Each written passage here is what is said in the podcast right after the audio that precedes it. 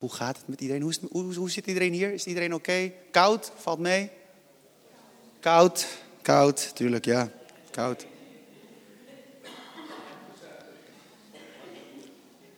Ik, ik zat te denken terwijl we net aan het bidden waren. Ik, eh, ik weet niet, ik heb soms van die momenten, dan, dan raakt iets me opeens heel erg. En dat merkt u misschien wel. Maar ik, ik moest zo denken aan die mensen in Griekenland. Die daar vastzitten in kampen. Nog steeds. Weet je, je hoort er niet meer zoveel over in het nieuws, hè? Dus ik dacht eerst, ze zitten er niet meer. Halleluja, het is opgelost. Toen ging ik het opzoeken. Maar ze zitten er nog steeds.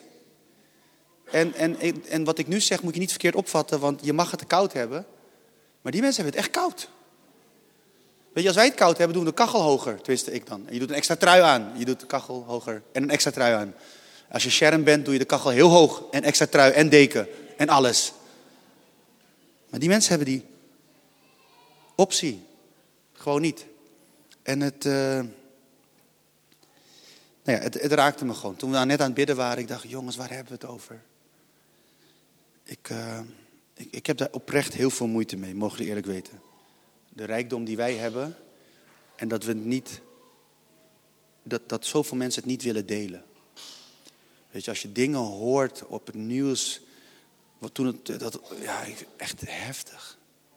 Het, het breekt echt mijn hart, mogen jullie echt eerlijk weten. Het breekt, het, het, het breekt echt mijn hart. Ehm, ja. Ja. Ook, eh, we hebben natuurlijk nu in Haarlem-Noord hebben we die boot waar, waar vluchtelingen worden opgevangen. Hebben jullie wel gezien aan het Spaarne? En eerst zou op één, waren er twee boten en daar zouden de vluchtelingen uit Syrië komen. En dan de mensen uit Noord, ik kom zelf uit Noord, dus ik, daarom dat ik het zo durf te zeggen. Die hadden daar heel veel moeite mee. Maar dat wilden ze niet. En toen kwam de vluchtelingenstroom uit Oekraïne.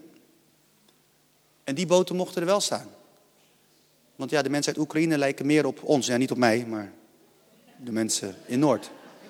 Zijn wit. Breek mijn hart.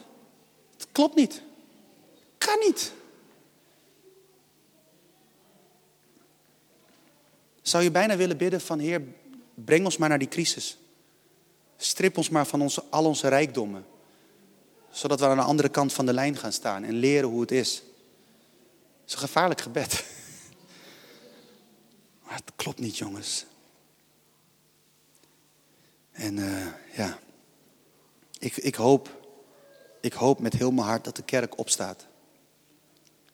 En dat de kerk een ander geluid laat horen. En laat zien van jongens, Jezus was een andere leider. En toen ik het bad, het was echt waar. Jezus liet zich geeselen door Romeinen.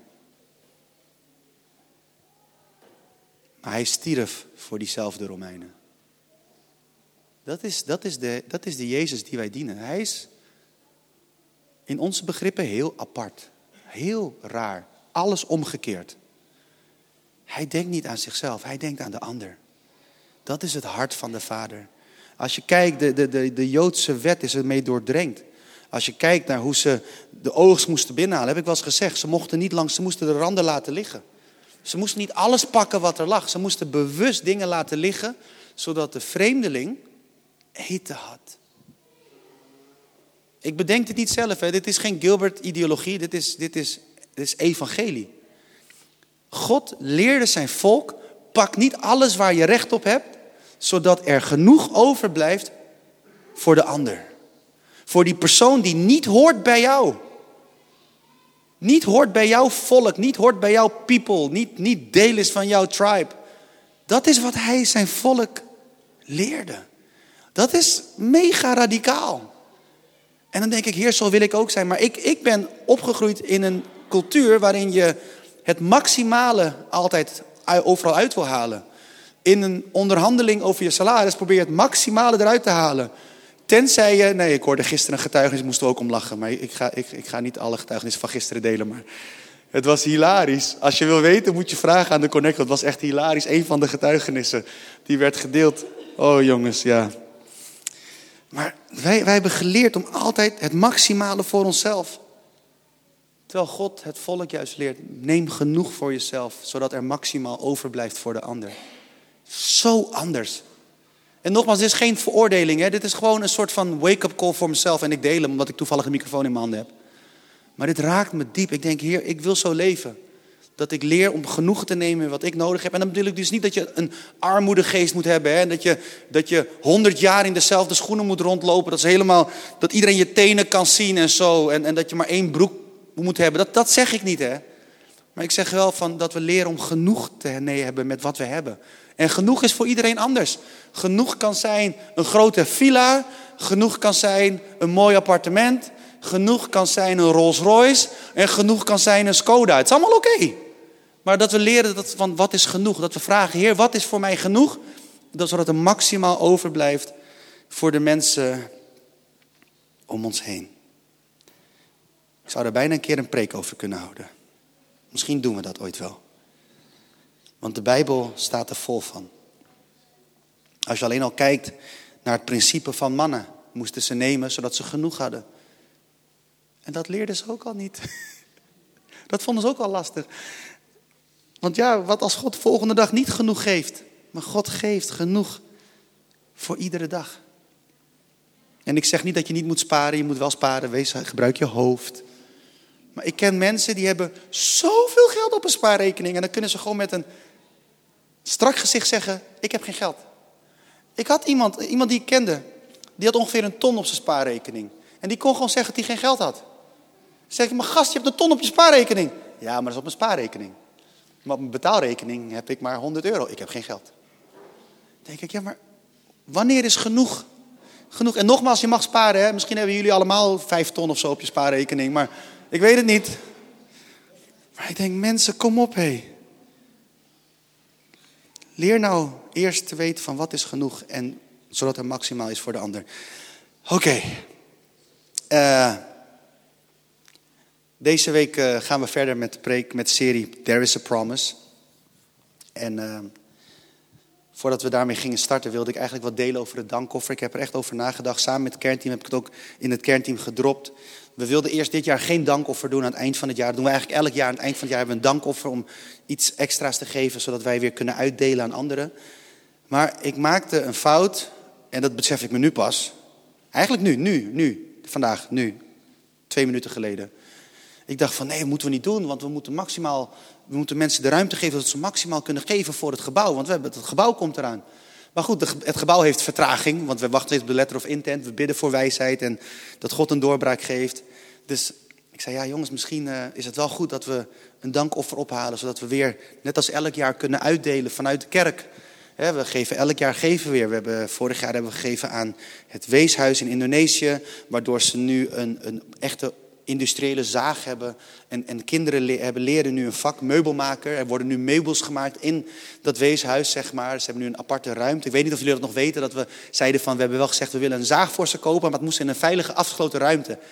Weten sommigen dat nog? Ja, hè? En dus dat is, uh, maar dat is er nu. En, en er worden nu meubels gemaakt. Dus er is daar echt iets gaande. Die jongens leren gewoon een vak. Dat is gewoon te gek. En we willen nu weer aan hun vragen: wat hebben jullie nodig voor dit jaar? Zodat we weer kunnen geven.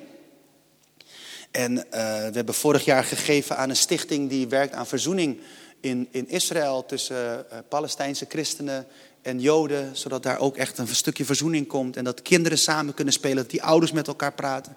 Ik zou dolgraag daar weer willen zaaien, gewoon in dat land. Weet je, de Bijbel leert ons ook, als je het volk van Abraham zegent, zal jij ook gezegend worden. En dan kan je zeggen, ja, maar ik ben niet met alles eens wat ze doen. Ja, dat mag, maar God zegt dat, dus laten we hun zegenen. Maar laten we dan zegenen op een manier die bruggen bouwt. Die gaat voor vrede, voor herstel, voor groei, voor bloei. Weet je wel, we hebben dit jaar ook weer veel gegeven aan het voedselpakket van het open huis. Dit jaar ongeveer, ik denk, een eurotje of vijfduizend, zoiets. Best wel wat geld. En het lijkt me zo vet dat we dat we dit jaar kunnen eindigen met een klapper. Weet je wel? Dat we gewoon kunnen zorgen dat er gewoon meer dan genoeg eten is voor al die mensen. Zodat die mensen kunnen uitdelen aan de mensen om hen heen. Hoe mooi zou dat zijn? Dat er niet genoeg is, maar dat er voor hun een keer meer dan genoeg is. Zodat ze familie kunnen uitnodigen. Kom nu maar een keer bij ons eten. Dat zou leuk zijn, toch? Maar daarvoor hebben we dus zo'n het dankoffer nodig. En ik zou het heel mooi vinden als we gewoon, we willen dan over twee weken willen we het ophalen. Tijdens de kerstviering, je mag het ook gewoon overmaken. Maar dat helpt ons om, om, om dat soort dingen te doen. Het helpt ons ook om, om eh, de kosten van Brave Conference te dragen. Het helpt ons ook om de kerstviering te dragen. Eh, het helpt ons gewoon echt om, om het jaar sterk te sluiten, maar ook echt weer uit te kunnen delen. En het liefst delen we dan ook weer gewoon uit. Omdat we geloven dat God ook zal voorzien voor het gebouw. Weet je wel, dus uh, bid ervoor. Denk erover na, wat kan ik geven? En het is echt een dankoffer. Een offer van dankbaarheid voor alles wat God het afgelopen jaar heeft gedaan.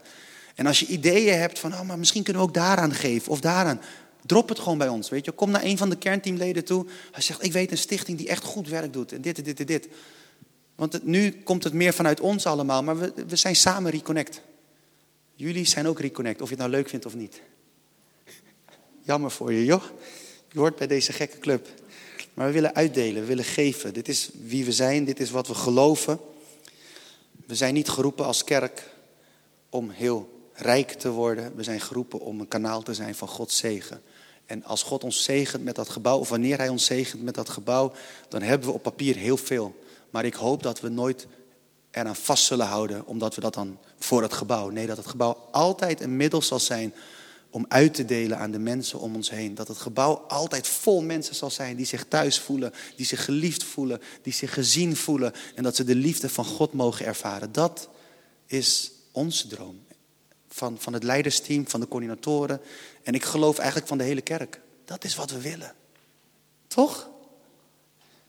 Dus uh, dat voor het dankoffer. Nou goed, jongens, we gaan starten. Ik moet mijn klokje zetten. Ik, uh, hoe laat is het? Zo, even mijn klokje.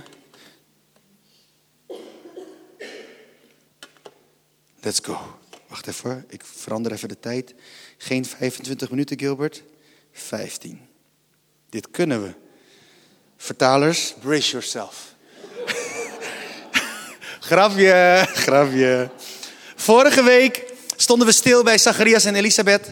En we hadden het erover dat God herinnert en dat Hij onze belofte is. En ook wanneer het lijkt dat het te laat is, het is voor God nooit te laat. De schepper van hemel en aarde, de soevereine, de eeuwige. Hij laat niet los, hij herinnert en hij is de God van wonderen. Yes, he is. En vandaag gaan we verder met onze serie richting kerst en wil ik stilstaan bij het moment dat Maria de engel van God ontmoet en de belofte ontvangt dat zij zwanger zal worden en de zoon van God mag dragen. En stel je eens voor, hoe moet dat zijn geweest voor Maria? Maria was een jonge vrouw. En er staat in de Bijbel dat ze maagd was nog nooit. Met een man, zeg maar. Hè? Jullie zijn de kinderen hier, jullie snappen wat ik bedoel. Oké, jullie snappen hem. En, uh, en een engel komt en die zegt van... Hey Maria, gezegend ben jij. En je God heeft je uitgekozen. Je mag, je mag de zoon van God naar deze wereld dragen. Je mag hem dragen en je wordt zwanger. En Maria denkt, hè? Hoe dan? En dan legt de engel het uit van ja, Gods kracht, die, die, die zal je als het ware overschaduwen. En boem. Jezus, zo klein. Heel klein. en het begon zo. En dat is het verhaal zo wat wij normaal vertellen. En denk ik, oh wat leuk, weet je. En dan, zeg je, dan denk je, wat geweldig. Maar ik heb erbij stilgestaan dat dit ding moest mega heftig zijn geweest voor Maria. In die tijd was dit een soort van vonnis voor die vrouw. Dat ze eigenlijk verstoten zou kunnen worden uit de community. Want ze was zwanger voordat ze getrouwd was. En Jozef kon zeggen, it wasn't me. Dus het was echt een probleem. Deze vrouw, toen ze dit geweldige nieuws kreeg, wist ze tegelijkertijd, mensen gaan me met de nek aankijken. Als ik een kamer binnenloop, dan wordt het opeens stil. Want, daar is zij. Zij zegt dat het God is, maar het was Henkie hoor, het was niet God. Want we proberen het. Is er iemand die Henkie heet? Nee toch? ik bedoel niks daarmee jongens. Het was eerst dat in me opkwam. ik zie Peter echt zo. Henkie, hoe komt hij erop? maar, maar zo zou het toch zijn geweest? Stel dat vandaag de dag, stel dat Jezus nog nooit was gekomen en vandaag zou een van jullie Maria zijn. Niemand zou je geloven. Toch? Als we heel eerlijk zijn. Ja, ja, tuurlijk. Nee, nee, echt, het, was, het, was, het is de Heer. Dus, dus zij wist, als zij een kamer, en, en nu zijn we heel anders daarmee. Maar toen was het echt een probleem. Toen was het was niet oké. Je, je, je, je liep risico dat je niet alleen verstoten werd, je liep zelfs risico dat je gestenigd werd. Dat je dood ging. En dat wist Maria tegelijkertijd, dat wist ze allemaal. Dus ze wist, als ik een kamer binnenloop, wordt iedereen stil. En iedereen kijkt naar je. En het deed me een beetje denken aan dat lied, of dat moment van, uh, van, van, van dat, de voetwassing van Jezus. En dan heb je dat lied, uh, Cici Winans heeft daar een geweldig mooi lied over, Alabaster Box. En dan zegt ze, zingt ze, The room grew still as she made her way to Jesus. She stumbled through the tears. En dan verder. Da da da da. Da da da da. Her folks whispered. That's it. There's no place here for a guy. Still she made the way. Through the tears. You know that song, right? Yeah. Till at last she knelt before his feet. And though she spoke no word, everything she said was heard as she made poured a love for the master. From her box of alabaster. is veel te hoog, maar dat lied. Ik moest denken aan dat lied dus. Want dat, dat was haar leven op dat moment ook. En het gaat niet over haar, maar dat gebeurde er op dat moment. Als zij binnenkwam, werd het stil. Mensen keken haar aan. Maar zij wist, ik draag iets kostbaars. En kijk, wat ik zo mooi vind is dit. Dus die engel vertelt dit. En zij ontvangt dat, die belofte. En waarschijnlijk gaan al die dingen door haar hoofd. Van de blijdschap en de chaos en de stress en alles wat erbij komt. En dan zegt ze in Lucas 1, vers 38, geeft ze haar reactie. En dat is de tekst voor vandaag. Maria zei, de Heer wil ik dienen. Laat er met mij gebeuren wat u hebt gezegd. En daarna liet de engel haar weer alleen. Deze woorden spreken boekdelen. Maria gaf zich volledig over aan de belofte. Want ze wilde de Heere dienen en het mocht haar alles kosten. De Heer wil ik dienen. Dubbele punt. Laat er met mij gebeuren wat u hebt gezegd. Ze vulde niets in. Ze voegde niets toe. Ze stelde geen eisen, maar ze gaf zich volledig over. En we kunnen zoveel leren van deze vrouw. Want hoe vaak geven wij ons over op basis van onze voorwaarden? Maar het ding met voorwaarden is dit: voorwaarden scheppen kaders. En zou het zomaar zo kunnen zijn dat die kaders ervoor zorgen dat we niet krijgen wat God ons eigenlijk wil geven? Kijk, kaders die zorgen ervoor dat wij het kunnen accepteren. Dankzij kaders wordt het voor ons behapbaar. Die kaders helpen ons om het te snappen.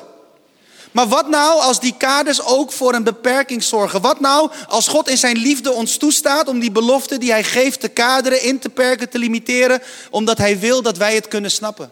Omdat wij dat zo erg nodig hebben. Zou het zomaar zo kunnen zijn dat wij niet het volle leven leiden dat hij voor ons heeft, omdat wij zo vaak bewust of onbewust voorwaarden geven aan God? Wat zou er gebeurd zijn als Maria voorwaarden had? Ik moet er niet aan denken hoe het dan zou hebben gelopen. Maar gelukkig was Maria niet zo. Gelukkig gaf zij zich volledig over aan de belofte. En weet je wat me ook opviel? Nog iets anders. Vorige week had het over Zacharias, hè? En ik vind het grappig, zijn reactie was dit. In Lucas 1, vers 18. Hoe kan ik weten of dat waar is? Ik ben immers een oude man en ook mijn vrouw is al op leeftijd. Maria reageerde anders in vers 34 van Lucas 1. Hoe zal dat gebeuren? Ik heb immers nog geen gemeenschap met een man. Allebei stellen ze een vraag aan die engel. En de engel reageert heel anders op beide vragen. En ik denk dat ik weet waarom. Zacharias vroeg om een teken. Daar hebben we het gisteren ook over gehad hè, op de connectgroep. Dat we zo vaak een teken vragen aan God. Dat we zijn als Gideon. Ja, hier, eh, dit, moet nat worden, dat moet droog blijven. En dan andersom, de dag daarna, oké, maar dan, dan dit, dan dit nat en dat andere droog. En, en, en Gideon is ook een held, is een van de richteren, maar Gideon is een held. En, en, en Lisbeth heeft nog gepreekt over Gideon. Een held. Was een slappeling, maar hij werd een held. Maar weet, weten jullie toevallig hoe Gideon is geëindigd? Gideon eindigde niet als held. Aan het einde viel Gideon. En het was niet mooi hoe het met Gideon afliep. En als je me niet gelooft, ik zie sommige mensen kijken, echt? Echt? Echt? Mijn jeugdheld Gideon? Check het, in Richter, het staat er. Het staat er echt. Want hij ging, hij, hij, hij ging eigenlijk naar de, naar de vrouwen van dat land en dan de goden en uh, hij ging zo, woep. Zacharias vroeg om een teken. En ik denk dat hij om een teken vroeg vanuit ongeloof.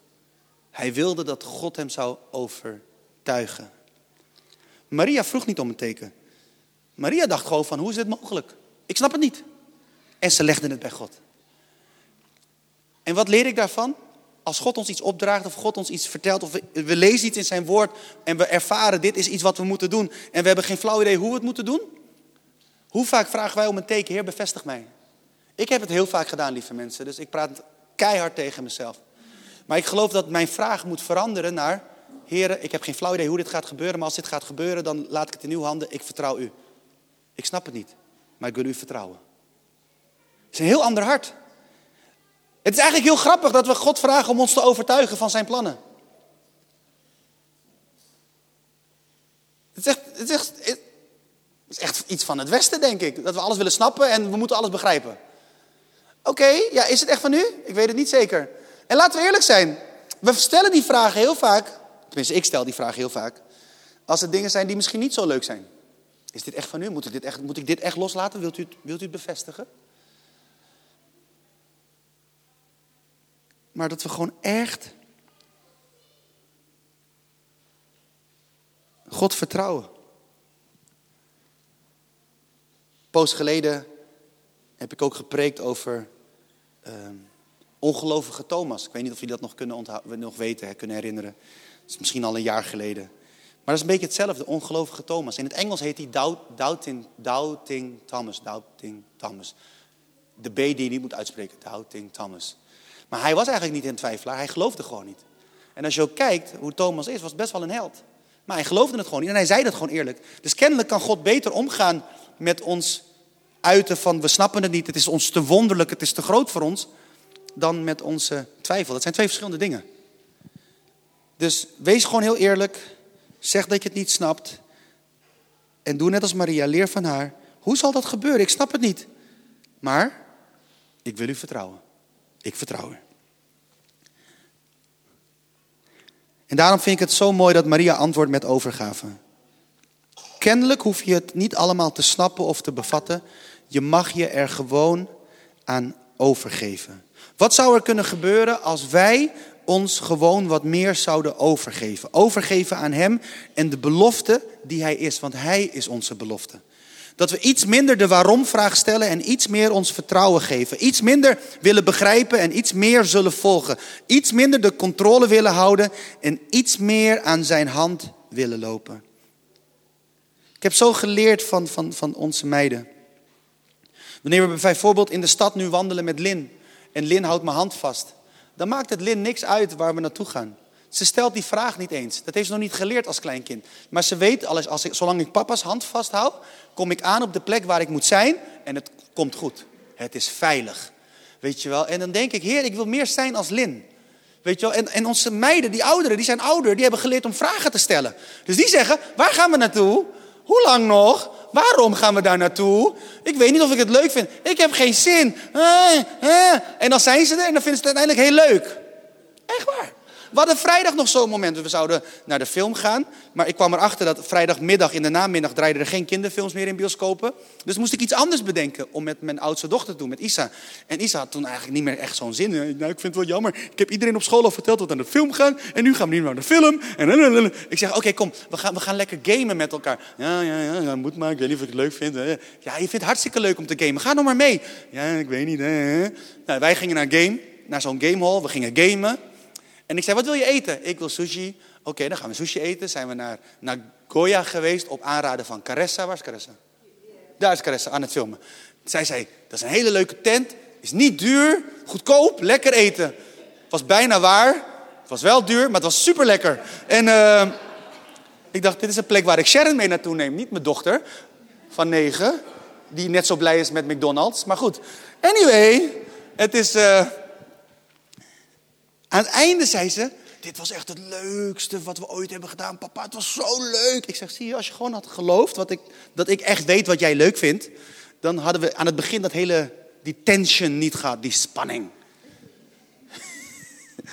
het was echt heel leuk, jongens. Maar waarom zeg ik dit? Lin zou die vragen nooit stellen.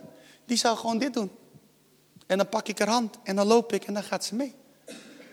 En dan zou ze volop genieten. Als wij iets vaker de hand van de Vader gewoon vastpakken en hem vertrouwen, denk ik dat we iets meer zouden genieten. Maria wist wat er uiteindelijk zou gebeuren, maar volgens mij had ze geen flauw idee wat de prijs zou zijn die zij echt zou moeten betalen. Ik zei het eerder al, de schande, de praatjes, de stilte als zij een kamer binnenloopt. Ze zou niet van, te, van tevoren kunnen weten hoe die verhalen haar zouden achtervolgen. En toch zei ze, laat er met mij gebeuren wat u hebt gezegd. En daarom heb ik eigenlijk de, de, de, de overdenking van vandaag de titel gegeven. Surrender to the promise. Geef je over aan de belofte. Geef je over aan Jezus. Helemaal, want Hij is onze belofte. Hij is ons doel. Naar Hem kijken we uit. En ik wil je vandaag dus echt uitdagen om in geloof en gehoorzaamheid die stap van overgave te maken. Geef je over, laat de regie los, geef het uit handen. Surrender to the promise. En ik ben heel benieuwd wat voor leven we gaan leiden als de kaders die wij zelf hebben gegeven aan God eindelijk worden losgelaten als de voorwaarden die we misschien bewust of onbewust hebben gesteld aan de Heer worden losgelaten. Misschien leren we dan eindelijk om, een, om vrijgeviger te worden. Misschien leren we dan eindelijk dat God echt voor ons zorgt. En dat we niet bang hoeven te zijn dat we voor onszelf hoeven te vechten, voor ons eigen recht hoeven te vechten. Ik bedoel, de Bijbel is er vol van, jongens, echt waar. Als je kijkt, Jesaja 58 staat er vol van. Want als jij omziet naar anderen, dan zie ik om naar jou. De bergreden staat er ook vol van. Als jij omziet naar anderen, zorg ik voor jou. Eigenlijk zegt God, als jij mijn handen en voeten wordt, dan word jij deel van mij en dan zorg ik voor mij. Ik zorg voor mijn lichaam. Als er iemand is die zorgt voor zijn, die gezond is, is het God, is het Jezus. En eigenlijk zegt Jezus is daar, word gewoon mijn handen en voeten. Dan kan ik echt voor je zorgen. Sta mij toe om voor je te zorgen. Maar de enige manier daarvoor, om volledig dat God voor je zorgt, is dat je hem de volledige regie geeft en gaat doen wat hij van je vraagt. Dat is het eigenlijk. Dat is, dat is die ruil die heel onhandig is, die wij heel eng vinden en heel moeilijk vinden. En waar we soms zijn als mijn eigen oudste dochter, van wie ik heel veel hou en op wie ik mega trots ben, maar waarvan ik zoveel van mezelf herken, hoe ik met God praat. Van, ja, ga ik dit echt leuk vinden? Is dit echt wel iets voor mij? Is dit echt leuk? En dat, dat ik dan na afloop dan zeg, oh heer, het was echt top. Het was echt leuk. Het was echt gaaf. Wij, en dan als laatste, dit is het laatste voorbeeld, dan stop ik en dan gaan we bidden en dan vieren we avondmaal. En dan uh, gaan we afsluiten. Maar ik ga iets heel eerlijk zeggen, jongens, echt waar. Ik heb net aan het begin van de dienst gezegd dat, dat wij echt de leukste connectgroep hebben van iedereen. Terwijl jullie ook allemaal leuke connectgroep hebben, maar die van ons is echt leuk. Maar soms hebben we gewoon geen zin in de connectgroep. En dat is niet omdat we geen zin hebben in die mensen, maar dan zijn we echt moe. Of vooral ik dan. Sharon soms ook een beetje. Maar ik praat nu meer over mezelf. En dan, uh, en dan ben je echt moe. En dan denk je, oh ja, oh. En dan, oh ja, huis opruimen. Dus we zijn heel blij dat we af en toe, dat dat zeggen ook, dan appen ook, Nino, Stefanus, kunnen we naar jullie toe? Want dan is ons huis helemaal ontploft, weet je wel. Echt, echt ontploft. En onze connectgroep vindt dat niet erg. Hè? Die zegt, dat is niet erg jongens, jullie hebben kinderen, is normaal dat het ontploft is. Maar ja, je wilt toch nog een beetje... Ze weten niet hoe, hoe ontploft ons huis echt kan zijn, weet je wel. En dan heb je echt denk je, oh, geen zin, je moe, moe, moe, moe, stress, stress, stress. Maar dan hebben we het gehad en dan zeggen we, kijken we elkaar aan en zeggen we... Het was echt leuk, hè? Het was echt goed dat we het hebben door laten gaan? Ja, we hadden dit niet willen missen, hè? Nee. Weet je wel, dat zijn die die kaders die je soms hebt, bewust of onbewust, de dingen dat je dan denkt van, ja heer, ik wil dit wel doen, maar dan moet ons huis echt netjes zijn. En het liefst een groter huis, want dan is het wel mooier en bla bla bla bla bla bla bla bla bla bla. En dan zegt God gewoon, vertrouw me nou maar gewoon. Neem mijn hand vast en laat je meenemen door mij. En kijk wat een zegen je ontvangt. Nou, en gisteren was echt geweldig. Ik heb het al verteld, het was echt, we hebben samen gegeten. We hebben samen, ik, ik heb saté gebarbecued, de Zuid-Afrikanen hebben gebraaid. En ik mocht af en toe de master braai zijn. Ik, was, ik voelde me echt tof. Twee man naast me en ik was... Uh, terwijl onze nieuwe vrienden werden geïnterviewd door Nino. Een soort interrogation van Nino van... Oh, waar kom je van? Wat leuk. Dat is grapje, grapje, grapje, grapje. Dus, uh, maar vertrouw God. Neem hem bij de hand.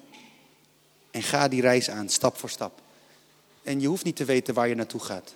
Je hoeft niet te weten hoe wat je, waar je allemaal langs gaat. Want dat zou ons soms kunnen afschrikken. Maar wandel met hem en dan ga je merken, het is echt worth the while. Het is het mooiste leven wat je kan hebben. Ik wil met jullie bidden, lieve mensen.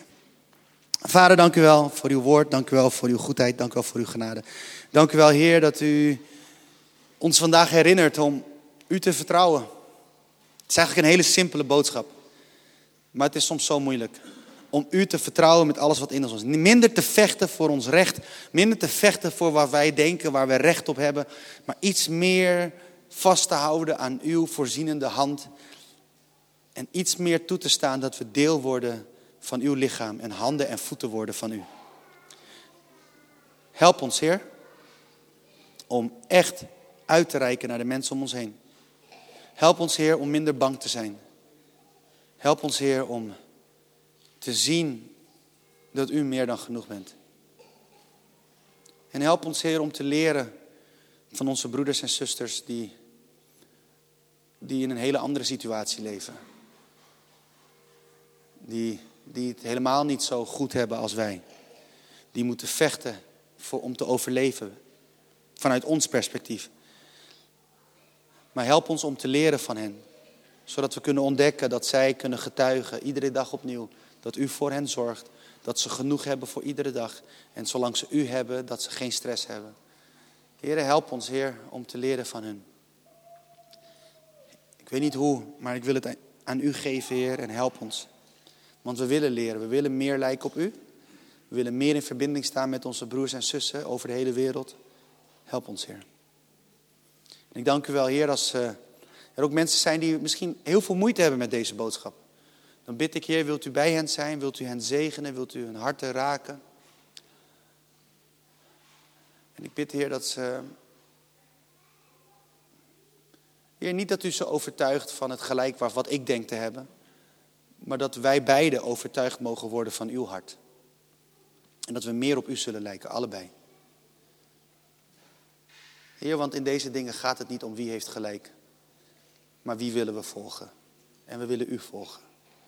Help ons om ons eenheid en onze vriendschap en onze verbinding te vinden in u. En niet in onze standpunten, maar in het volgen van Jezus. En zodat we samen kunnen leren, samen mogen groeien, samen mogen bewegen. Achter u aan. Dat vraag ik u in Jezus' naam. Amen. Hey Gilbert hier, bedankt dat je hebt geluisterd naar de podcast van Reconnect Community Church. Ik hoop en bid dat je er niet alleen door bent bemoedigd of geïnspireerd, maar dat deze uitzending jou ook weer meer heeft mogen wijzen naar Jezus en zijn liefde, genade en trouw voor jou en voor mij. En als jij, net als wij, ook enthousiast bent over deze podcast, dan kan je ons helpen door je te abonneren op ons kanaal en deze overdenking te delen met vrienden en bekenden. Mocht je ons ook financieel willen ondersteunen, dan kan dat via reconnect.cc/geven. Je helpt ons dan om dit te blijven doen, zodat wij mede dankzij jouw steun mensen kunnen blijven bereiken met het goede nieuws van Jezus. Bedankt voor je betrokkenheid en je support.